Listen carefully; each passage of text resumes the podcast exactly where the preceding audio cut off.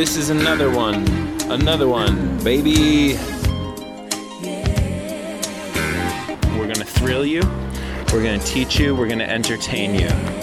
Like Britney Spears once said, there are those of us who observe and those of us who are here to entertain.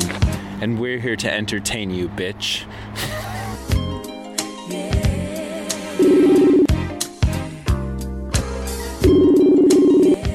Hallo? Hallo, ja. Hallais. Se der, ja. Du har jo proft eh, oppsett.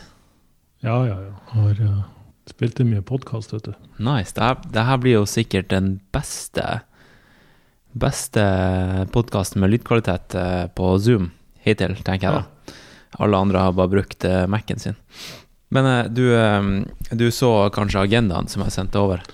Ja, det var voldsomt. ja, ja, vi får nå bare Det er nå litt sånn at Ja. Eh, også litt sånn heads up. Det er noen som eh, skal komme mellom åtte og fire i dag og levere ei dør til meg. Og ja. de skal ringe en halvtime i forkant, så hvis det ringer hos meg Jeg har på lydløs, da, men eh, det kan være at jeg må bare ja, avbryte litt. Det, ja. det gjorde den. Mellom åtte og fire. Men ok, vi kan jo bare gli inn i samtalen, da, tenker jeg. Eh, nå ja. har jeg trykka på record, vi har, vi har begynt podkasten. Velkommen til eh, podkasten, da, Børge. Jo, takk for det. Jeg har jo hørt på deg faktisk i flere år nå. Ah, ja. Og um, blitt veldig kjent med stemmen din, liksom. Du har en, ja, du har en veldig bra podkaststemme. ok. Ja, hyggeligste komplimentet jeg har fått på en stund. Nei, men seriøst, da. Det, det, du har veldig sånn uh, lun uh, og uh, Jeg vet ikke, det er noe med stemmen din som gjør at man, man tror på deg, liksom ja. troverdig. Du det høres ut som du snakker med en sånn, sånn bauta. Ja. Har du hørt det før, eller? Ja, det har jeg jo hørt før. At, um, jeg er jo heldig sånn sett at de kundene som kommer til meg, de har, de har allerede tillit. Sånn at um, jeg trenger ikke å bruke så mye tid på å bygge den opp på forhånd. Nei, sant. Og hvordan har du fått tilliten, da? Er det pga. podkasten du har hatt, eller? Nei, altså Jeg har jo vært i denne bransjen nå i begynner å nærme seg 20 år. Og har jo skrevet hundrevis av artikler og figurert her og der i både innland og utland. Så mange har jo, sånn som du, hørt meg gjennom mange år og fulgt meg gjennom mange år. Um, og det er klart, hvorvidt den tilliten er er, er berettiget eller ikke. Det, det, jeg gjør noe så godt jeg kan, i hvert fall, og prøver å, dele den kunnskapen jeg har og de perspektivene jeg har. Jeg er i hvert fall jeg kommet til det punktet i livet der jeg er mer ydmyk enn noen gang da, på at eh, det er veldig mye jeg ikke kan og sikkert aldri kommer til å forstå heller. Har du vært på en eh, ja, Hvordan har din reise vært der, da? Har du vært innom perioder der du har vært veldig bastant på at du kunne alt? Ja, ja, ja. ja. Det har vel kanskje alle. Mm. Noen har vel aldri kommet seg ut av den. Det er den klassiske Dunning-Krüger-kurven. vet du. Mm. At uh, etter hvert som du begynner å lære mer, så kommer det til et visst punkt der du blir veldig høy på egen kunnskap. Uh, og det ble veldig fort uh, skal man si, tydelig da, at, at det hadde vært innom flere fagfelt og hadde tilegna meg mer kunnskap og forsto kanskje mer hvorfor personer trodde det de trodde og mente det de mente. Sånn at jeg, jeg kunne periodevis Jeg var vel eh, mellom 25 og 30 år ca. Den, den, perioden var der jeg var ganske sånn bastant og trodde jeg hadde funnet svaret på alt. Uh, var kanskje litt påståelig, og det var veldig viktig å ha rett på internett, for å si det på den måten. Mm. Men så, jo mer jeg leste, jo mer jeg fant ut, så ikke minst jo flere kunder jeg fikk der ble jo bedre og bedre på å ta kvalifiserte gjetninger, som vi kaller det. Um, men vi er jo unike snøfnugg, som jeg pleier å si, og, og, det er ikke alltid at man får den responsen som man forventer. Uh, og da må man begynne å grave i uh, hvorfor. Og det er vel kanskje de casene jeg har lært mest av. Det er de jeg ikke helt har fått til. da. Da gikk en liten sånn sport i det og skulle finne ut av hvordan jeg kunne knekke koden på absolutt alle, inkludert meg sjøl, selv, selvfølgelig, mm. som var den opprinnelige casen. Um, så, så, det her med at vi er forskjellige, samtidig som jeg tror at her er noen biologiske sannheter som gjelder for menneskerasen som helhet, så er det nok forskjeller genetisk, hormonelt og ikke minst livsstilsmessig og mentalt som gjør at uh, noen trenger ulike tilnærminger. Og faktisk samme person kan trenge en annen tilnærming fra år til år, etter hvert som kroppen endrer seg. Mm. Uh, det er kanskje der den største misforståelsen ligger, eller myten ligger da, at hvis du først har knekt en kode, hvis du først har funnet den matplanen og treningsopplegget, så, så, er du liksom i mål. Da er du, da er du berga. Uh, men så glemmer man at kroppen endrer seg når du spiser på en bestemt måte, og du lever på en bestemt måte. Dette kalles jo epigenetikk. At uh, ulike gener slås av på avhengig av hva du utsetter deg sjøl for. Uh, og, og, da kan F.eks. trodde vi før at den muskelfibersammensetninga du hadde fra fødselen, da var den du var dømt til å ha resten av livet. Men så har de jo gjort noen interessante studier på enegga tvillinger som har trent på forskjellige måter. Den ene har vel trent veldig lite, tror jeg. Den andre trente veldig mye utholdenhetstrening. Og så at den fikk en muskelfibertype som ble mer utholdende, type 1-dominant. Da vi før trodde at ok, forholdet mellom type 1 og type 2 det er fastlåst. Men mm. type 2-fibre kan gå fra å være mer eksplosiv til å bli mer utholdende. Da var liksom that's it. Men, men det viser heller ikke å stemme. Så, så det er veldig mye vi som vil skje med oss gjennom et langt liv. Um, og, og, det er mulig å påvirke deg i positiv og negativ retning, selvfølgelig. Mm. Hva, hva, er din, eh, din, reise, da? Hvordan kom du til, til der du er i dag? Som, uh, nå, nå, lever du 100 av, av, coaching, ikke sant? Mm. Ja, det er 100 Og, og coachinga di den, den, består av å bruke mental og fysisk trening for at dine kunder skal kunne oppnå sine mål, ikke sant? Det stemmer. Mm. Så hvordan har du kommet hit du er i dag, og hvor mange år har du holdt på? da? Nei, altså um, Jeg pleier jo alltid når jeg får det spørsmålet, å starte litt med den barndomshistorien. Jeg var liksom uh, tynn og spinkel og hadde astma og allergi og, og var liksom ikke verken sterk eller rask eller best på noen ting. da. Jeg lærte veldig tidlig å lese, og fant pappa sine mattebøker i skapet fra ungdomsskolen, da jeg var, var ikke begynt på barneskolen engang. Uh, og lærte meg liksom Jeg fant jo veldig fort ut at jeg kunne lese og lære ting veldig fort. Um, så, så, da var liksom min reise da, det var å begrave meg i fagstoff, i bøker, i kunnskap. Um, prøve å forstå ting. Jeg husker bestemora mi sa til meg, da, da var jeg vel bare en andreklassing på barneskolen, at du skal bli ingeniør, du, Børge. Så den har jeg liksom fulgt, da. Og det var det som var prestisje i familien? Det var prestisjen. Mm. Ingeniør på den tida, det, mm. var, det var stort. Eh, fordi jeg hadde liksom et sånn skarpt hode, da. Eh, og det er klart, det var jo da en identitet jeg prøvde å leve veldig opp til. Eh, men så etter hvert så ble det jo kanskje mer og mer viktig å være eh, attraktiv hos damen, for å si det på den måten. Mm. Så, så når, når, var det? Når var det? Det var vel i 12-13-årsalderen. Ja. Litt den overgangen fra barneskole til ungdomsskole. Og plutselig jenter begynte å bli interessant. Og jeg ikke var den som hadde draget. Mens de kule guttene i klassen, de som var gode i fotball og de som var gode på forskjellige ting, da, um, fikk lettere oppmerksomhet. Mm. Og da fant jeg ut at OK, jeg må jo da prøve å utmerke meg litt på noe sportslig, og, eller bygge muskler, da, tenkte jeg. Eh, og det var jo Arnold Schwarzenegger den tida som var den store helten. Det var det. På film. Herregud, er det mulig å se sånn ut? Hvordan, eh, hvordan årgang er du? Når er du født? 1974. Ok, ja, da skjønner jeg.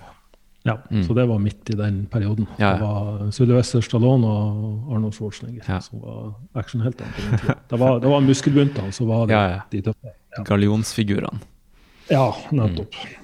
Eh, og som jeg også har delt litt i andre podkaster, så hadde jeg jo en pappa som uh, var litt for glad i alkohol og ikke verdens snilleste beste.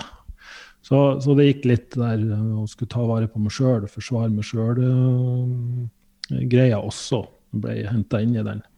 Okay. Eh, og som fikk meg til å føle at jeg ikke var bra nok eller verdt verd noe. Så jeg skulle liksom bevise da, at jeg var, at jeg var da, allikevel. Mm.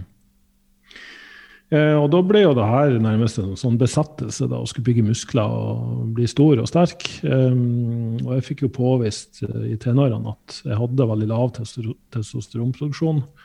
Eh, mekanismen trenger jeg kanskje ikke gå inn på, men det er sånn at eh, kroppen min omdanner veldig mye testosteron til østrogen. Så jeg har veldig kontakt med mine feminine sider. Ok. Ja. Det ble fleip med det på den måten. Jeg var emosjonell, jeg var veldig empatisk, følsom. Sant? Det var ikke den klassiske alfamannen. Litt Eh, latinogener. Ja, kanskje noe sånt. Mm. da, Jeg vet ikke. Men uh, jeg, var, jeg var liksom ikke den. Jeg, jeg var den som ble venn med damen, ikke kjæreste med damen. Ja. Uh, men så fant jeg ut at ok, bygge litt muskler, da fikk jo litt opp oppmerksomhet. Kanskje ikke den riktige oppmerksomheten eh, sånn når jeg ser tilbake på det, men det var nå en gang sånn at det var det som drev meg. Um, og, og jeg klarte jo aldri å få de mest vanvittige resultatene på meg sjøl, men det var jo veldig sånn at jeg ville dele med folk det, det jeg hadde lest og lært meg. og sånn. For andre gidder jo ikke å bry seg så mye med det. Jeg bestilte jo ting liksom fra utlandet, sånn lesestoff. Et eller annet husker jeg som heter Serious Growth, Bulgarian Burst Training. For det her var på 90-tallet, eller var det på 80-tallet? Ja, hva var 90. jeg da? Altså, jeg, eh, jeg begynte å trene med vekter for alvor på high school i USA da jeg var 15 og 16 år. eh, Da året der. Um, fikk én time hver dag. Var det Det på utveksling, eller hva, hva var greia? Utvekslingsstudenter. Eh, og da var det jo der high school heroes, de der quarterbacks på, på amerikansk fotballag og sånn, som var så Jocks. stor. Tok, Mm. ja, jocks, skikkelig jocks, og tok over 100 i benk. og Ja. jeg lå der og, og sleit med stanga, liksom. uh, så, så eh, Og det tok jo ikke helt av heller. Altså, jeg ble jo ikke veldig framgangsrik, da, men jeg leste og lærte og veldig mye. liksom, og Klarte i hvert fall å få en viss framgang. Um, og så, som sagt, så når jeg da begynte å dele det her med andre, så så jeg at de fikk jo mye bedre framgang enn det jeg fikk. Og det var jo på en måte et lite skudd for baugen da, på sjøltilliten. Uh, at, uh, at jeg ikke fikk das, like gode resultater som, som vennene mine. eh, til og med. Uh, begynte å trene sammen seriøst liksom, vi var 18-19 år. liksom. Sykla på uh, et sånt nedlagt offshoreanlegg uh, i hjembyen min, uh, som var uh, administrerte et asylmottak. Så vi måtte hente nøkkelen da inn hos uh, et flerkulturelt samfunn, for å si det sånn. Og, okay. og var og trente med de. Eh, folk fra liksom både Afrika og Jugoslavia og liksom ja, hele verden. Um, det, var, det var en veldig fin tid, veldig fin tid av livet. Men det tok jo litt av, da. Eh, du kan si kanskje òg fordi at eh, jeg hadde dem med veldig lave testosteronnivå. og Den tida var det ikke naturlig å gi en 17-åring testosterontilskudd. Eh, så, så var det jo da når eh, en kompis som jeg hadde fått tak i testosteron, så tenkte jeg oi, ja, det må vi teste ut. Mm. Og, og det var jo som om livet mitt forandra seg over natta. Jeg fikk jo tilbake motivasjon og energi og overskudd og begynte å bygge muskler. ikke sant? Så, så jeg ble jo veldig sånn høy på den, da. Eh, det ble vel aldri tatt veldig langt, men det er klart, jeg har jo, jeg har jo konkurrert i kroppsbygging, så, så det ligger vel litt i, i det at eh, jeg, har, jeg har brukt steroider, liksom. Det Mm. må jeg bare være ærlig på. Men etter hvert så Og jeg liksom gikk av det her og, og kutta det helt ut og prøvde virkelig å få min egen kropp til å fungere. Um, og da begynte legene her i Norge Først var jeg der når jeg, jeg jobba som da hører jeg meg til historien. Jeg ble utdannet ingeniør og jobba ett et og et halvt år i, i New York, faktisk. Eh, og der kom jeg til en lege som Der borte er det jo veldig sånn eh, åpent og naturlig rundt at eh, ja, selvfølgelig skal du få du får både testosteron og veksthormon på resept der borte hvis, eh, hvis du har suboptimale hormonnivå. Mm. Da hadde jeg jo. Mm. Jeg hadde jo du, du kan si hvis normalområdet i Norge går fra 8 til 35 på testosteron, Mm. og, og så har du 10, sant? 8, 9 og 10 lå jeg på.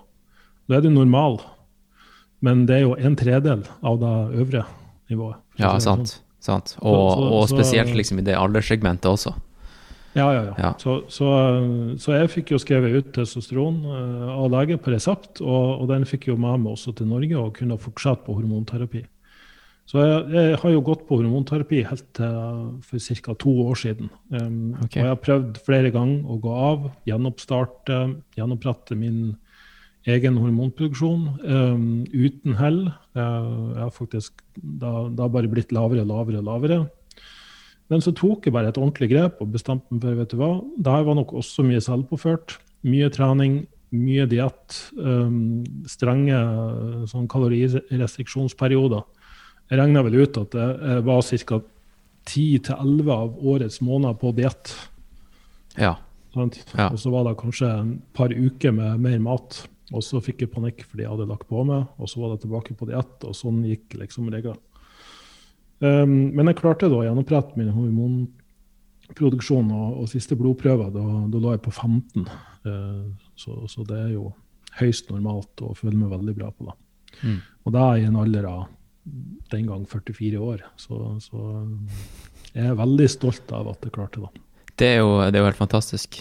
Men da kan vi bonde litt der, da. fordi det har vi til felles med det der med testosteronopplegget. Jeg hadde jo for eh, et par-tre år siden en periode med ja, eh, kanskje ikke sånn her bevisst eh, selvpåført eh, kalorirestriksjon, men jeg var i hvert fall underernært pga. bare ekstrem trening, og jeg, jeg, innså ikke at jeg var underernært. Mm. Eh, og jeg hadde da ekstremt lave testosteronnivåer. Og legen min den gang, han sa jo da at eh, Hans Christian, jeg tror du har kreft. Oi. Jeg tror du har en svulst på hjernen. Eh, og rett dit, liksom. Ja, han gikk, han gikk, rett dit, og han henviste meg til eh, Rikshospitalet. Til en ekspert der. Og da gikk jeg i to-tre måneder og venta på den timen der. Mm. Eh, og han tenkte jo ikke på meg som idrettsutøver. Han spurte Nei. ikke hvor mye jeg løp. Han så bare på testosteronnivået og så at det var det samme som en 80-åring, ikke sant. Ja, ja.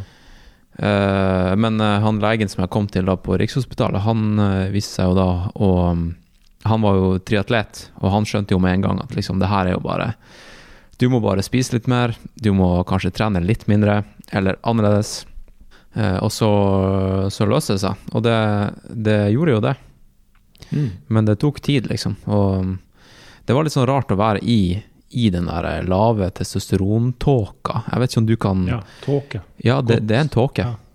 Det da. Eh, jeg husker liksom jeg hadde ingen sexlyst. Jeg så ikke på damer som jeg, jeg, jeg, kunne ikke tenke meg å i det hele tatt liksom tenke på damer på den måten jeg gjør nå, f.eks. Eller som jeg gjorde da jeg var 18 år og bare eksploderte av testosteron. uh, så nei, det, det, er en tåke, altså. Ja. Mm. Ja, det, var, det forandra livet mitt, i hvert fall. Når jeg fikk uh, den referanseopplevelsen av å ha høyt testosteronnivå. Mm. Uh, den gangen på syntetisk uh, vis, da. Um, og, og det var, det blir en For meg ble det en slags psykologisk avhengighet, fordi alternativet var, som du sier, å gå rundt i en tåke. Og det føltes ikke som noe, noe verdig liv å leve, da. Men det er klart òg etter hvert som det her ble mer og mer stigmatisert, og sånn, så og jeg gjorde veldig mye jobb med meg sjøl. Uh, møtte meg sjøl litt i døra, for å si det sånn. Um, tok litt oppgjør med er, er, du et produkt av historien din, eller um, altså, Var det en unnskyldning og en belastning? Var jeg et offer?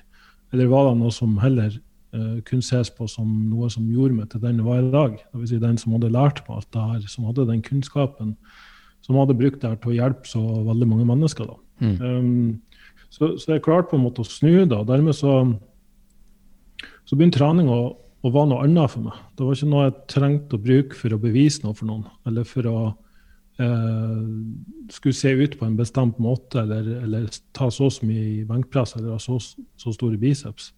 Um, så, så, jeg klarte å, å, koble fra min identitet fra den sterke, til å heller bli den som hadde forståelse, den som hadde ja, klart i større grad å akseptere og like meg sjøl sånn som jeg var.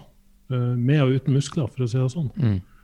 Um, og, og, da Min store frykt husker jeg når jeg først begynte å, å gå litt denne veien da, med egen uh, selvutvikling, det var at kanskje jeg kommer til å slutte å trene. Um, men da skjønte jeg jo fort at det var ikke det at jeg skulle slutte å trene, men det var da at jeg måtte trene fra en annen eh, målsetning. Den handla om at jeg ønska å ta vare på meg sjøl, heller enn at Eh, det er noe i veien med meg som må fikses.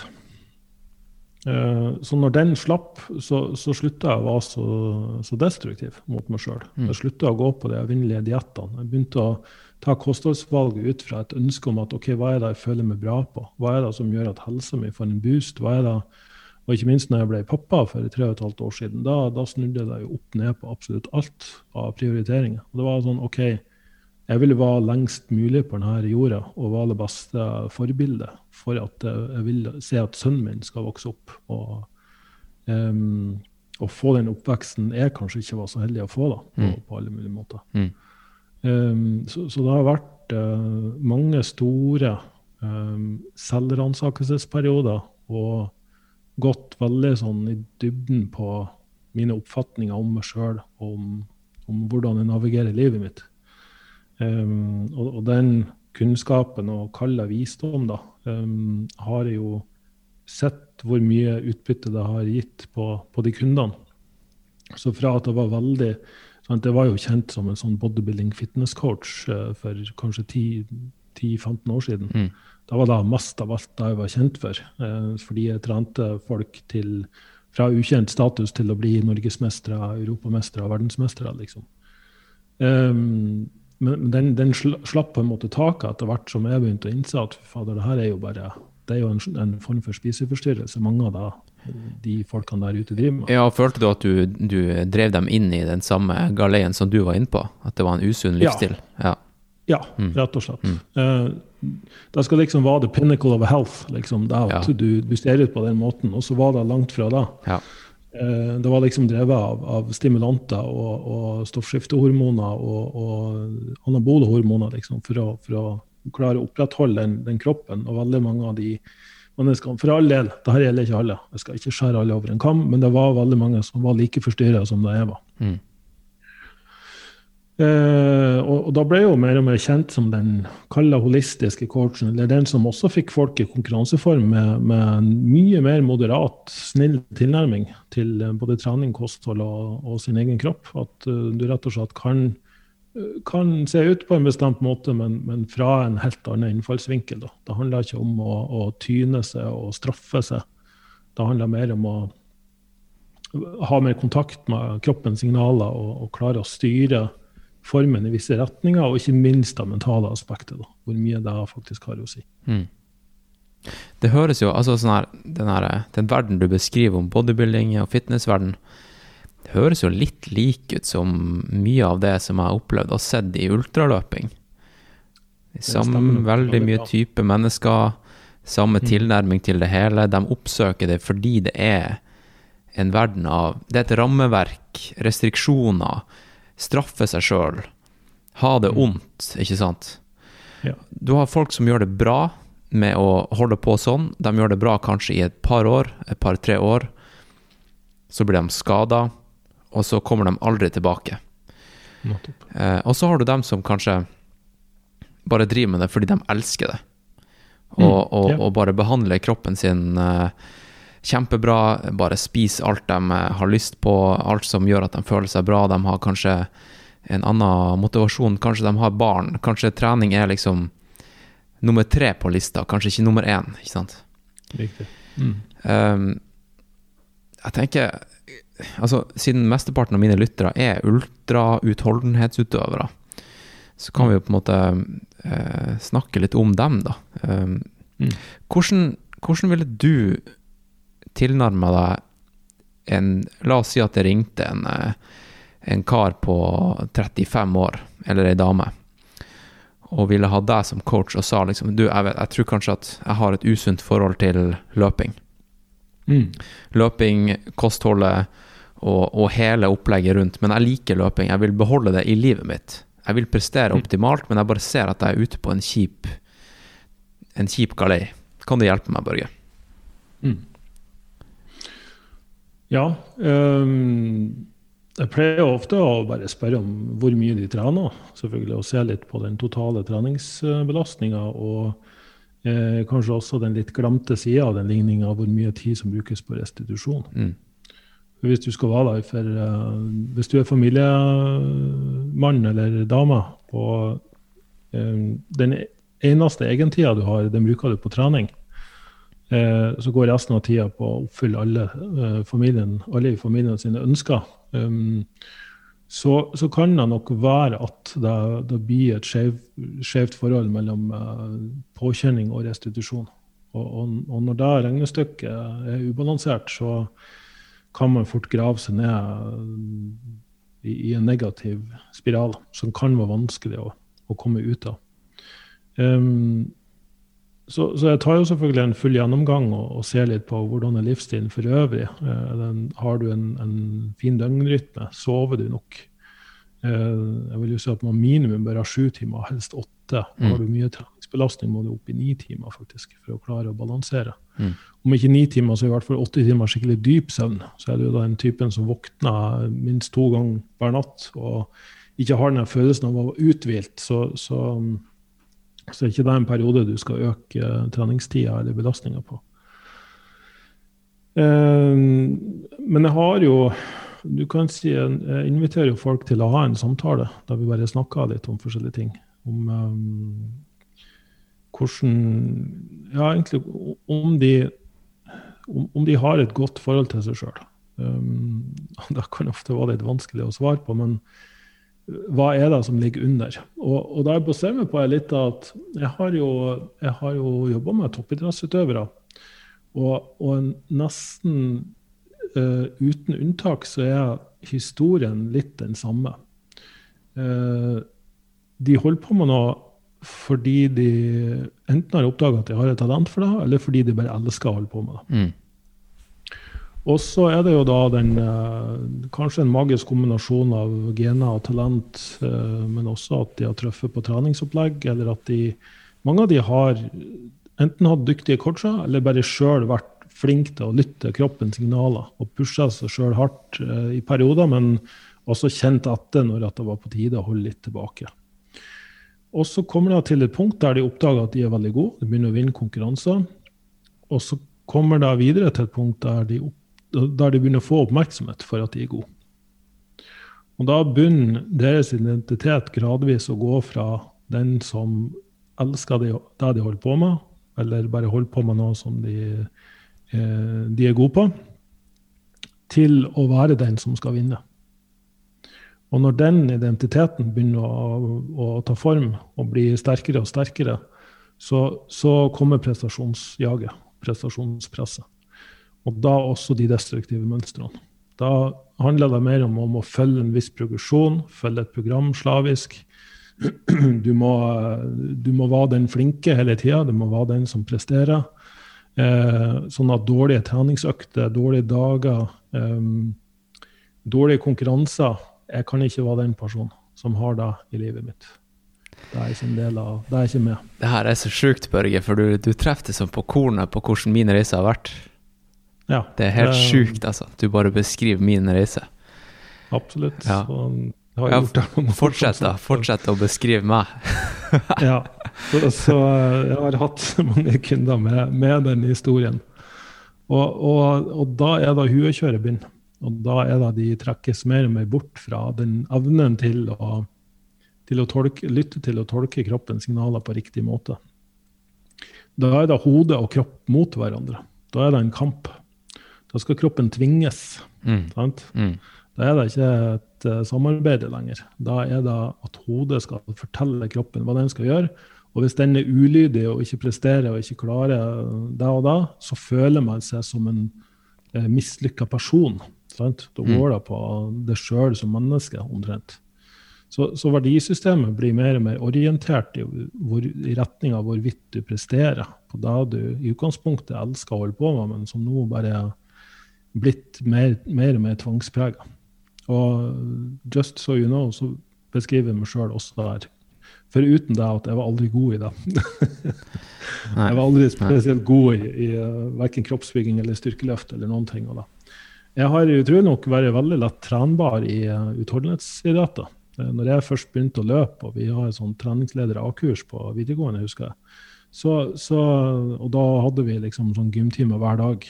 Og, og um, min utholdenhet og kondisjon og den farta jeg kunne løpe med, den, den, bare eksploderte fullstendig.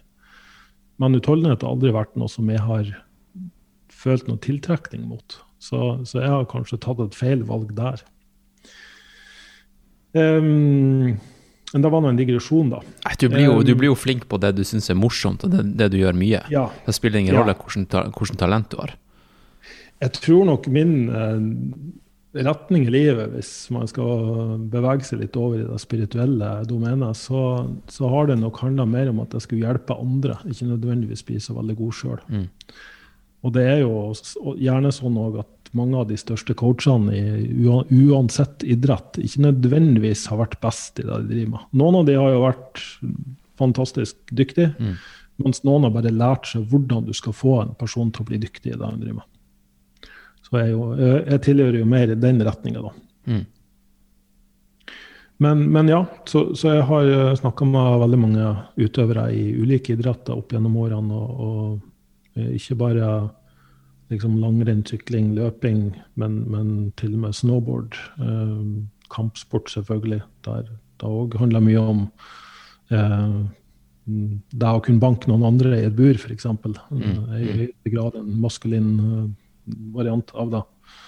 Uh, men, men, det finnes i, i, hva enn du holder på med. Til og med i næringslivet. Mm. Ja, for du har mange sånne kunder også, ikke sant?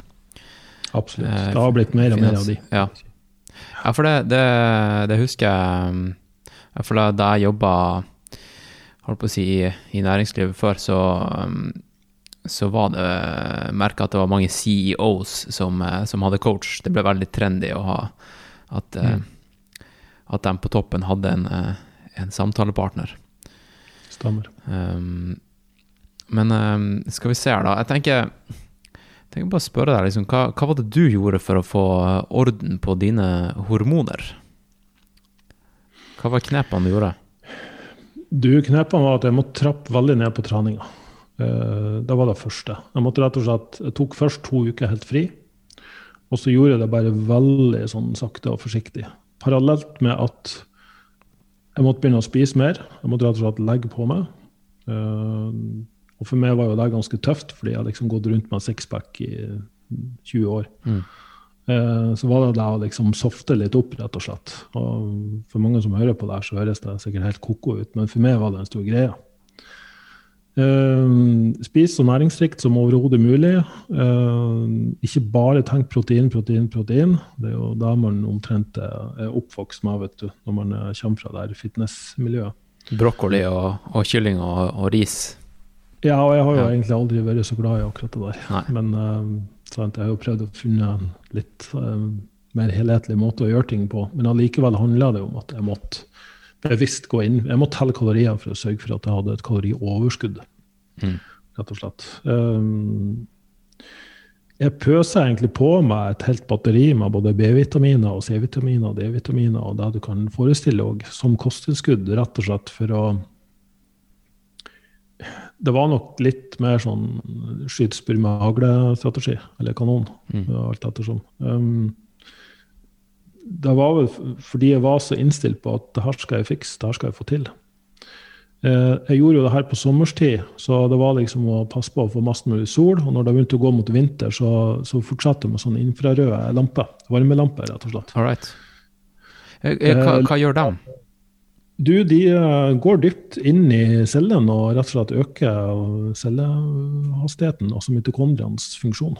Eh, så, så, det er vi som bor her i nord og har eh, lange vintre og eh, mye mørke og lite lys, så, så har da For mange år siden oppdaga jeg med lysterapi. Da har sånn lysterapilampe. Eh, at da omtrent vaska ut den vinterdepresjonen jeg alltid pleide å få. Så jeg er veldig sensitiv for den mangelen på, på sollys. Det gir jo mening. Jeg er jo, jeg er jo født blond og blåøyd, så jeg er vel kanskje enda mer avhengig av det enn andre. Um, og, og da infrarød og nær infrarødt lys finnes det utrolig mye bra forskning på. Alt fra hudkvalitet og, og til cellefornyelse, og, og, da ikke minst at jeg måtte uh, lyse da på testiklene Husk på å ikke gjøre det for nært, fordi det avgir veldig mye varme her. Så du skal helst ikke grille testiklene. Men har du, en, har du en device da, som, som er liksom laga for testiklene, eller bare har du et sånt lys, sånn, så Så uh, Du, du, du kan kjøpe kjøpe de her svindyre panelene eh, med infrarødt lys, sånn LED-lys. Det er titalls tusen, liksom. Okay. Jeg investerte i helt vanlige varmelamper. 250 watts Philips eh, med skrusokkel. Så jeg skrudde inn ei sånn stålampe fra Ikea. Det er ikke sånn som jeg er ute på sånn ut, utendørs sitteplasser utenfor barer og sånt? Det stemmer. Det er faktisk Alright. eh, ikke, den, Det her er jo vanlig sånn eh, glødepærer. Ja, ikke sant? Så det med rødt glass. Så, Ja. så den avgir fulle, hele spektrumet. Det er derfor at den avgir såpass mye varme at hvis du har den nærmere enn 20 cm, så, så svir du av det litt av hvert, for å si det på den måten. Mm. Jeg har hørt mye på han eh, Ben Greenfield opp gjennom årene. Jeg regner med at du har eh, konsumert Ja. litt av hans eh, innhold. Han har jo snakka mye Ja. om eh, infrarød, infrarød badstue. Vil det gi deg samme effekt? Ja, det er samme teknologi. Mm. Det er klart, det infrarøde ser du jo ikke, du bare føler det. Så hvis det ikke avgir varme, så er det ikke nok infrarød styrke.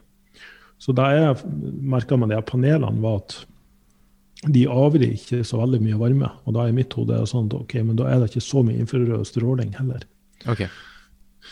Um, så, så bruker det på uh, underlivet og også på halsen. For der er det jo stoffskifte, altså skjoldkjertelen. Og så har du jo thymuskjertelen, som ligger midt mellom brystbena her. Og den påvirker jo immunforsvaret, blant annet. Og det har jo også vist seg at jeg har jo gjennom mange år av livet mitt hatt veldig lavt stoffskifte. Det, det er faktisk en, en ekspert jeg snakker med, eh, som har kommet veldig langt på dette området. Han eh, ut fra hvordan jeg beskrev tenårene mine, så kan det være at jeg starta med lavt stoffskifte, og det i sin tur gjorde at jeg ikke ble fullt utvikla maskulint. Og At det kan være årsakssammenhengen. Ok. Eh, nettopp fordi jeg har mye allergi og astma og, og hadde et immunforsvar som ikke fungerte optimalt. Eh, så, så da har jeg jo også adressert da med fullspektrum vitaminer og mineraler og, og infrarødt lys og liksom bare i det tatt eh, Det var det som må til. Ikke minst det der med å adressere hvordan jeg jobber. Eh, Jeg har jo Jeg kunne jo sitte på julaften og svare på mail, liksom. Det, da hefta ikke. Jeg, eh, Ja, det tok litt av når jeg først Jeg har jo den der Jeg er jo skrudd sammen sånn at når jeg først skal gjøre noe, da skal jeg virkelig gjøre det. sant? Mm. Eh, og, og da skiller det nesten ikke mellom hva som er produktivt og destruktivt. Em, så, så, så i denne prosessen har det vært veldig mye sånn møte seg sjøl i døra, som jeg, som jeg har sagt. Og, og ta et lite oppgjør med um, Prøve å komme til det punktet der jeg kan si at OK, men hvem er du alene i et mørkt rom? Og hvis du kan sitte der og faktisk kjenne at vet du, jeg er helt OK akkurat sånn som jeg er, det er ikke noe i veien med meg så, så begynner man plutselig å gjøre ting fra et helt annet perspektiv enn det der 'jeg må fikse på'-perspektivet. Det er skummelt, da. Det er skummelt å tenke på seg sjøl i det mørke rommet. Det er enklere å veilede seg, eller liksom finne hele tida distraksjoner. da. Og det er vel det som uh, Du, unnskyld, eh, unnskyld Børge. Nå, nå ringer det her. Skal vi se. Bare to sekunder. Alright, da, da fikk jeg den forventa samtalen fra han eh, postbudet som skal levere ei dør. Ja. Jeg driver og pusser opp, skjønner du, så det er litt sånn kaos eh, i leiligheta. Ja, kjenner jeg til den.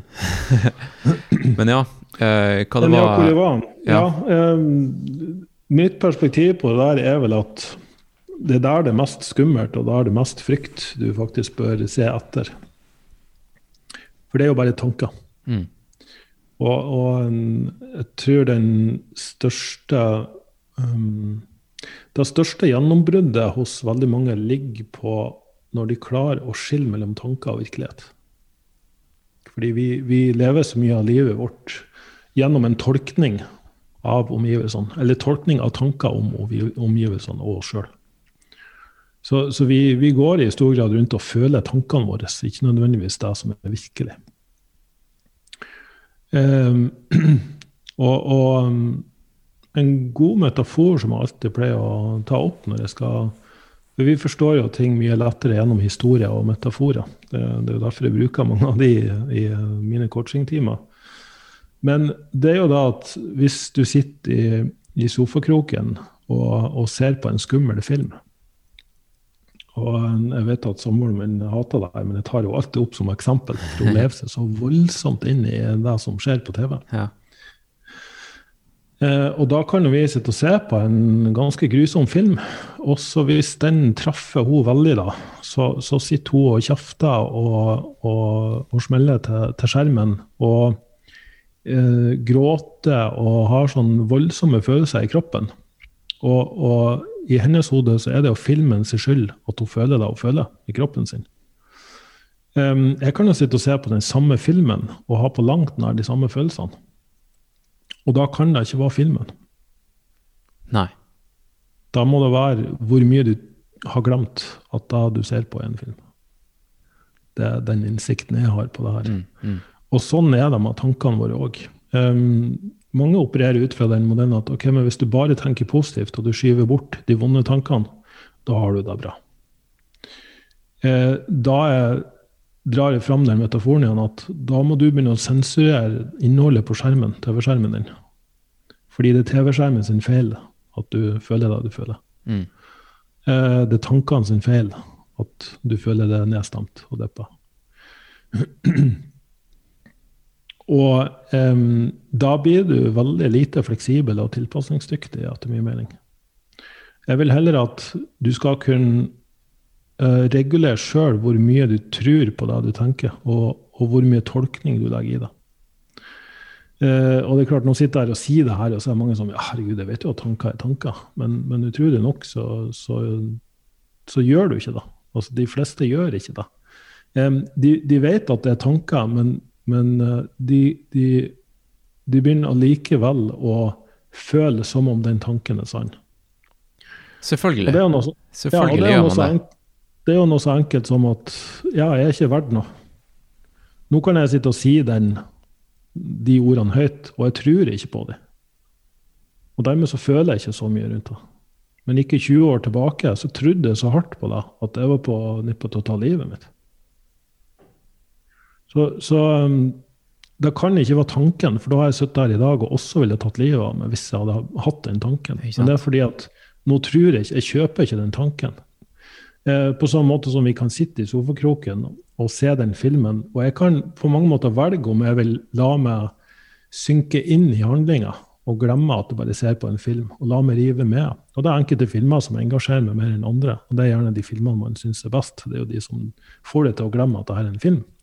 Da er skuespillerne kjempedyktige, og så er det spesiale effekter og alt mulig sånn som får det for et, for et øyeblikk da, å glemme virkeligheten og tro at du er i filmen, på en måte. Um, men jeg vil jo kun være den som eh, skal være i stand til å sitte og se på alle mulige filmer, og så bare velge sjøl om jeg skal la meg synke inn i filmen eller distansere meg litt fra den. Og det er klart, da kan du velge kunstig stimuli. Da kan du scrolle på telefonen din. Du kan ta deg ei øl. Du kan uh, begynne å jobbe med noe. Du kan gjøre ulike ting for å distrahere deg sjøl. Eller du kan bare sitte der og se på den filmen, og så kan du gå litt mer ut i observatørmodus. Og veldig mye av terapi handler jo om at du blir en observatør, en som analyserer tankene dine objektivt, i stedet for å alltid føle tankene dine. Eh, så, så, den ligger ganske sentralt i mye av det jeg gjør med, med kundene mine. Dette blir jo en form for kortversjon, men hvis det er noen som vil fordype seg litt mer i den forståelsen her, så er det jo um, kanskje den som kom opp med det, eller ikke kom opp med det, men den som var først med å, å begynne å snakke om det her offentlig og gjøre det til en greie, det er en som heter Sydney Banks. Og, og, det er mange retninger innen både terapi eh, og CBT og, og um, psykologi og, og, coaching som har blitt skapt med det som fundament. Den forståelsen av hvordan sinnet vårt egentlig fungerer. Eh, for hjernen det er en organisk masse inni en skalle. Inni en hodeskalle. Den, den sanser ikke omverdenen med mindre den får inntrykk fra synsnerve, hørsel, eh, det du har eh, i kroppen din av eh, proprioseptorer og nocyseptorer. Og så tolkes alt av inntrykk på den måten. Så hvis du er ute og går i skogen, og så ser du en slange, så vil hele kroppen din reagere med å fryse eller å flykte. Sant? Fight or flight. Mm. Or freeze. Eh, men så ser du nærmere etter, og så er, det, så er det ikke en slange, det er en kvist. Det skjer meg hele tida. Ja. Jeg har mange kompiser som freaker ut i skogen. Ja. ja. Og da er det jo ikke slangen sin feil at du følte det du følte, men det var hjernens tolkning av en kvist. Eh, så, så, det er liksom når, når, du begynner å forstå det her mer, at hjernen filtrerer all informasjon og filtrerer det bort som uviktig, eller tar det inn i bevisstheten, inn på ditt mentale lerret som noe viktig. Eh, og det kan til og med være nok for mange bare sitte med lukka øyne hjemme i sin egen stue og forestille seg at de går i skogen og ser en slange. Så får de en frykt i kroppen sin. Mm. Og det jo, vil jo si den følelsen er berettiget hvis det faktisk er en slange der. Men hvis det bare er tanken om slangen og tolkninga av kvisten som forårsaker det, så er det en litt unyttig reaksjon. Og i overført betydning da, at vi går rundt og angster og, og depper over ting som egentlig ikke er virkelig, men bare tanker. Det er jo også en litt unyttig reaksjon. Så, så de følelsene og reaksjonene er jo der evolusjonært sett fordi vi ønsker å overleve, fordi vi ønsker å ha, føle tilhørighet til, til andre mennesker. Eh, fordi vi ønsker trygghet og sikkerhet. Eh, de basale nivåene, og, og, også de, hvis du ser for deg liksom Maslows behovspyramide, liksom. De, de, er der liksom for å guide oss. Men for mange, eh, kanskje mest av alt nå i det moderne samfunn, og, og ikke minst nå den tida vi lever i, så blir det her litt skakkjørt. Vi har nok ikke utvikla de filtrene for å, for å kunne tolke alle de impulsene vi mottar, på riktig måte. Og da skjærer det seg litt for enkelte. Eh, så, så, min jobb har i stor grad gått fra det her med å rent logisk, kognitivt sette opp planer som skal liksom få kostholdet og treninga på plass, til å bevege seg mer over i den forståelsen av verden vi lever i, eller din plass i verden, og hvordan du navigerer din virkelighet. Eh, og få på plass noen ganske viktige filter og begynne å sortere ut hva som er tanker og hva som er virkelighet. Sånn at du, du har et litt mer eh, produktivt reaksjonsmønster, og kanskje legger fra deg veldig mye av den selvsabotasjen og den selvdestruktive atferden da, som, som, um, som, som, gjør at vi tror at vår identitet er det vi gjør, og ikke den vi er. Mm. Hvis det er mening. Men det er vanskelig det der, da. For at hvordan skal man begynne å skille på hvem man er og hvem man gjør? Fordi det er så mye i samfunnet nå som liksom Når du spør folk liksom hvem, hvem er du, så svarer folk jo, jeg, jeg er ingeniør. Eller jeg mm, ja. Du, du, går med en gang på yrket. Ja. Du svarer ikke eller, hvem, eller, hvem, du er, er, som menneske. Ja, eller er jeg anorektisk. Ikke sant? Er, ja, eller er ditten eller er datten. Ja. Det er liksom, hvilken merkelapp folk bruker, det er alt ifra nøye gjennomtenkt til uh, veldig tilfeldig. Mm. Så er nok den som kanskje begynner i større grad å ta oppgjør med de merkelappene. og, og gjør at du snapper litt ut av den der føle filmen-rollen og blir mer den kall en, en som kan sitte og analysere filmen. Mm. For Se for deg da uh, Den ene dagen går du på kino og har kinosalen for deg sjøl, og det er surround sound og det er 3D-kino, og du, du, virkelig føler filmen med full tyngde, og går ut av kinosalen, og den sitter i kroppen ennå, og du går rundt og nesten ser en seriemorder eh, bak hver busk fordi mm og det filmen handler om, til at du neste dag tar med deg penn og papir og så satte du ned og skal analysere de filmatiske elementene. Prøve å se ok, hva var det regissøren gjorde her, hvordan var det skuespillerne ble brukt uh, i den settinga for for å gjenskape den, den, følelsen i filmen. da. Og da vil du nok ikke føle filmen på samme måte. Så, og det er ikke dermed sagt at løsningene her er bare å begynne å sette seg ned og å skrive ned tanker, selv om det hjelper for veldig mange. Altså journaling, altså journalføring og mm. skrive dagbok. Og, eh, men det å kunne sitte og snakke med andre, ha samtaler om ting som plager deg, eh, det, spiller en, en, viktig rolle i, i mental helse. Men så er det jo da mange som kanskje ikke tør å være autentisk og åpen om, om hva de sliter med, hva de står i. Det tok jo med, Jeg var jo sikkert 30 år før jeg begynte å snakke om de dypere tingene i meg sjøl. At jeg hadde lav selvtillit. At jeg har gjort mange, mye destruktive ting med meg sjøl fordi pappa ikke var glad i meg. liksom. Mm. Eh, og de første årene så var det veldig emosjonelt for meg. Jeg begynte å gråte med en gang jeg skulle si det. Eh, så, så Refta, du sa om at det er det som er tøft, det er det som er vanskelig. Det er det som er skummelt, og nettopp derfor skal vi gå dit. Men det kan nok kreve noen år med, med oppbygging av mot. Um, og den innsikten om at det her har utrolig mye å si for um, hvordan du lever li livet ditt. Mm.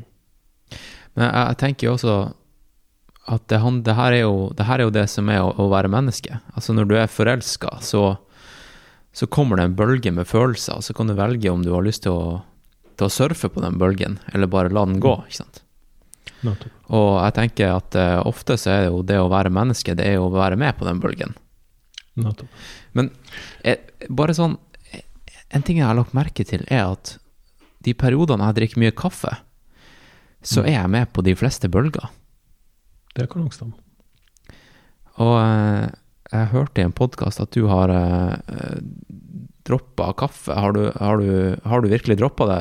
Du gjorde et eksperiment. Har du slutta? 100 eller har du gått tilbake? Ja, jeg har gått tilbake. Du har gått tilbake, ja. Okay. ja men jeg drikker en kombinasjon av koffeinfri og, og vanlig kaffe ja. for å prøve å regulere det her litt. Um, nå er jo jeg en av de heldige som metaboliserer koffein veldig hurtig. da. Mm. Det er jo genetiske forskjeller der. Har du testa det? Uh, ja, jeg har testa det. Ja. Jeg så at jeg var den som var fast uh, metabolizer av kaffein. Mm. Um, og alkohol, for den saks skyld.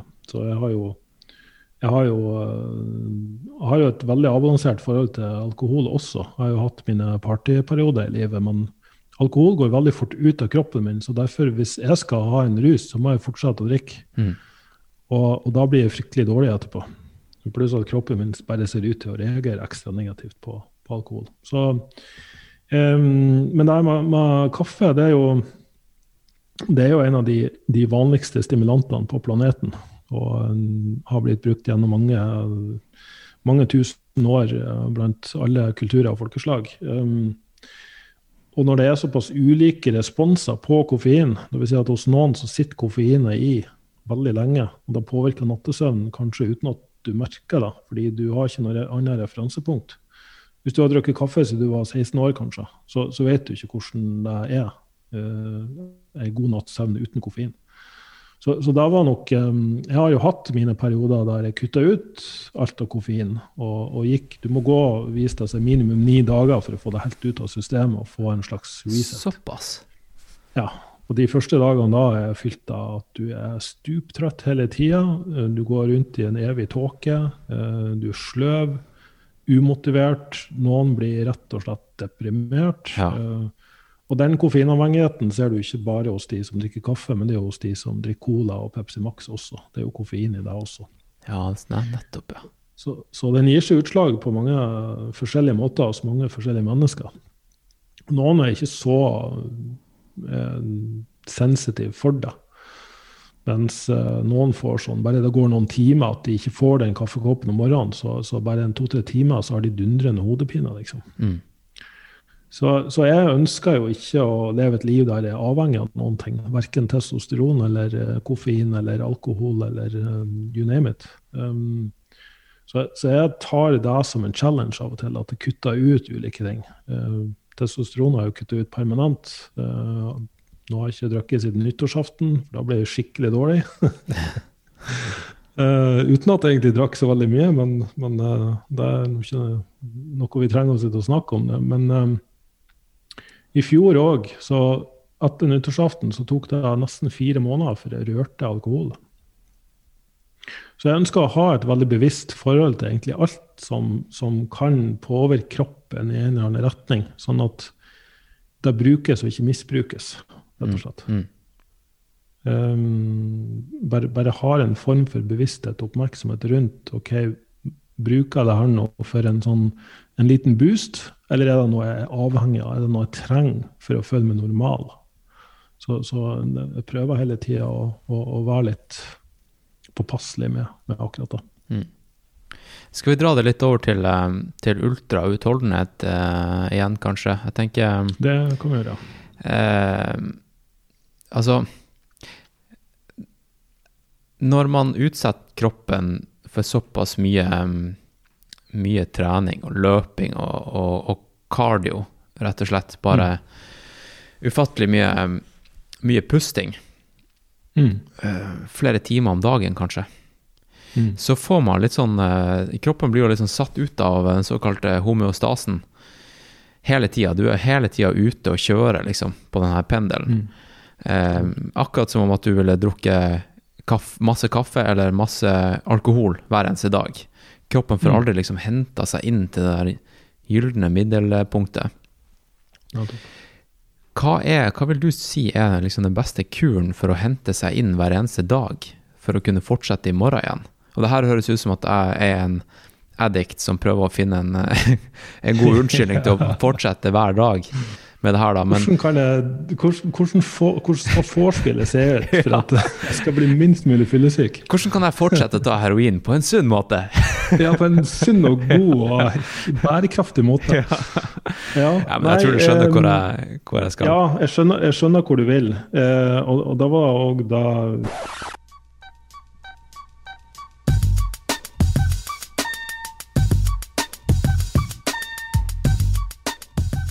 All right, eh, folkens. Eh, sorry, men eh, jeg må rett og slett bare sette en strek der.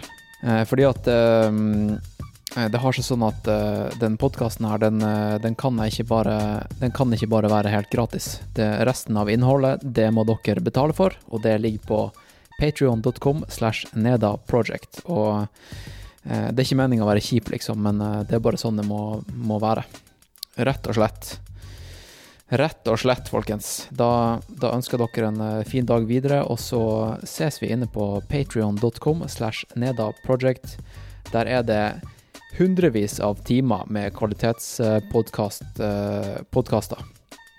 Sånn som den du nettopp hørte. Så eh, Patrion.com slash nedaproject. Det ligger en link i shownotes som du kan trykke, inn, trykke deg inn på, og eh, kan du, du kan også sjekke ut hvordan episoder som ligger der, som du får tilgang til med å melde deg opp på den her eh, Mest bang for the buck-pakka. All right. Um, da sier vi det sånn, og så snakkes vi i neste episode av podkasten. OK? Og så, så, kan vi jo da uh, Vi kan jo snakkes uh, når du blir Patrion. Jeg, jeg, slenger jo alltid Jeg kommer alltid i, uh, i prat med nye patrions. Jeg sender, deg en liten videohilsen, og så og så mailes vi litt frem og tilbake. Og så hvis du kommer deg inn på Slack-kanalen etter hvert til uh, Nå er det alvor. Uh, jeg har laga et lite samfunn der der uh, folk som har lyst til å lære seg å løpe langt og lenge, eller bare vil se litt sånn behind the scenes-opplegg til podkasten, da kan man gå inn på Slacken til, til Neda og chatte med alle andre patrions og meg.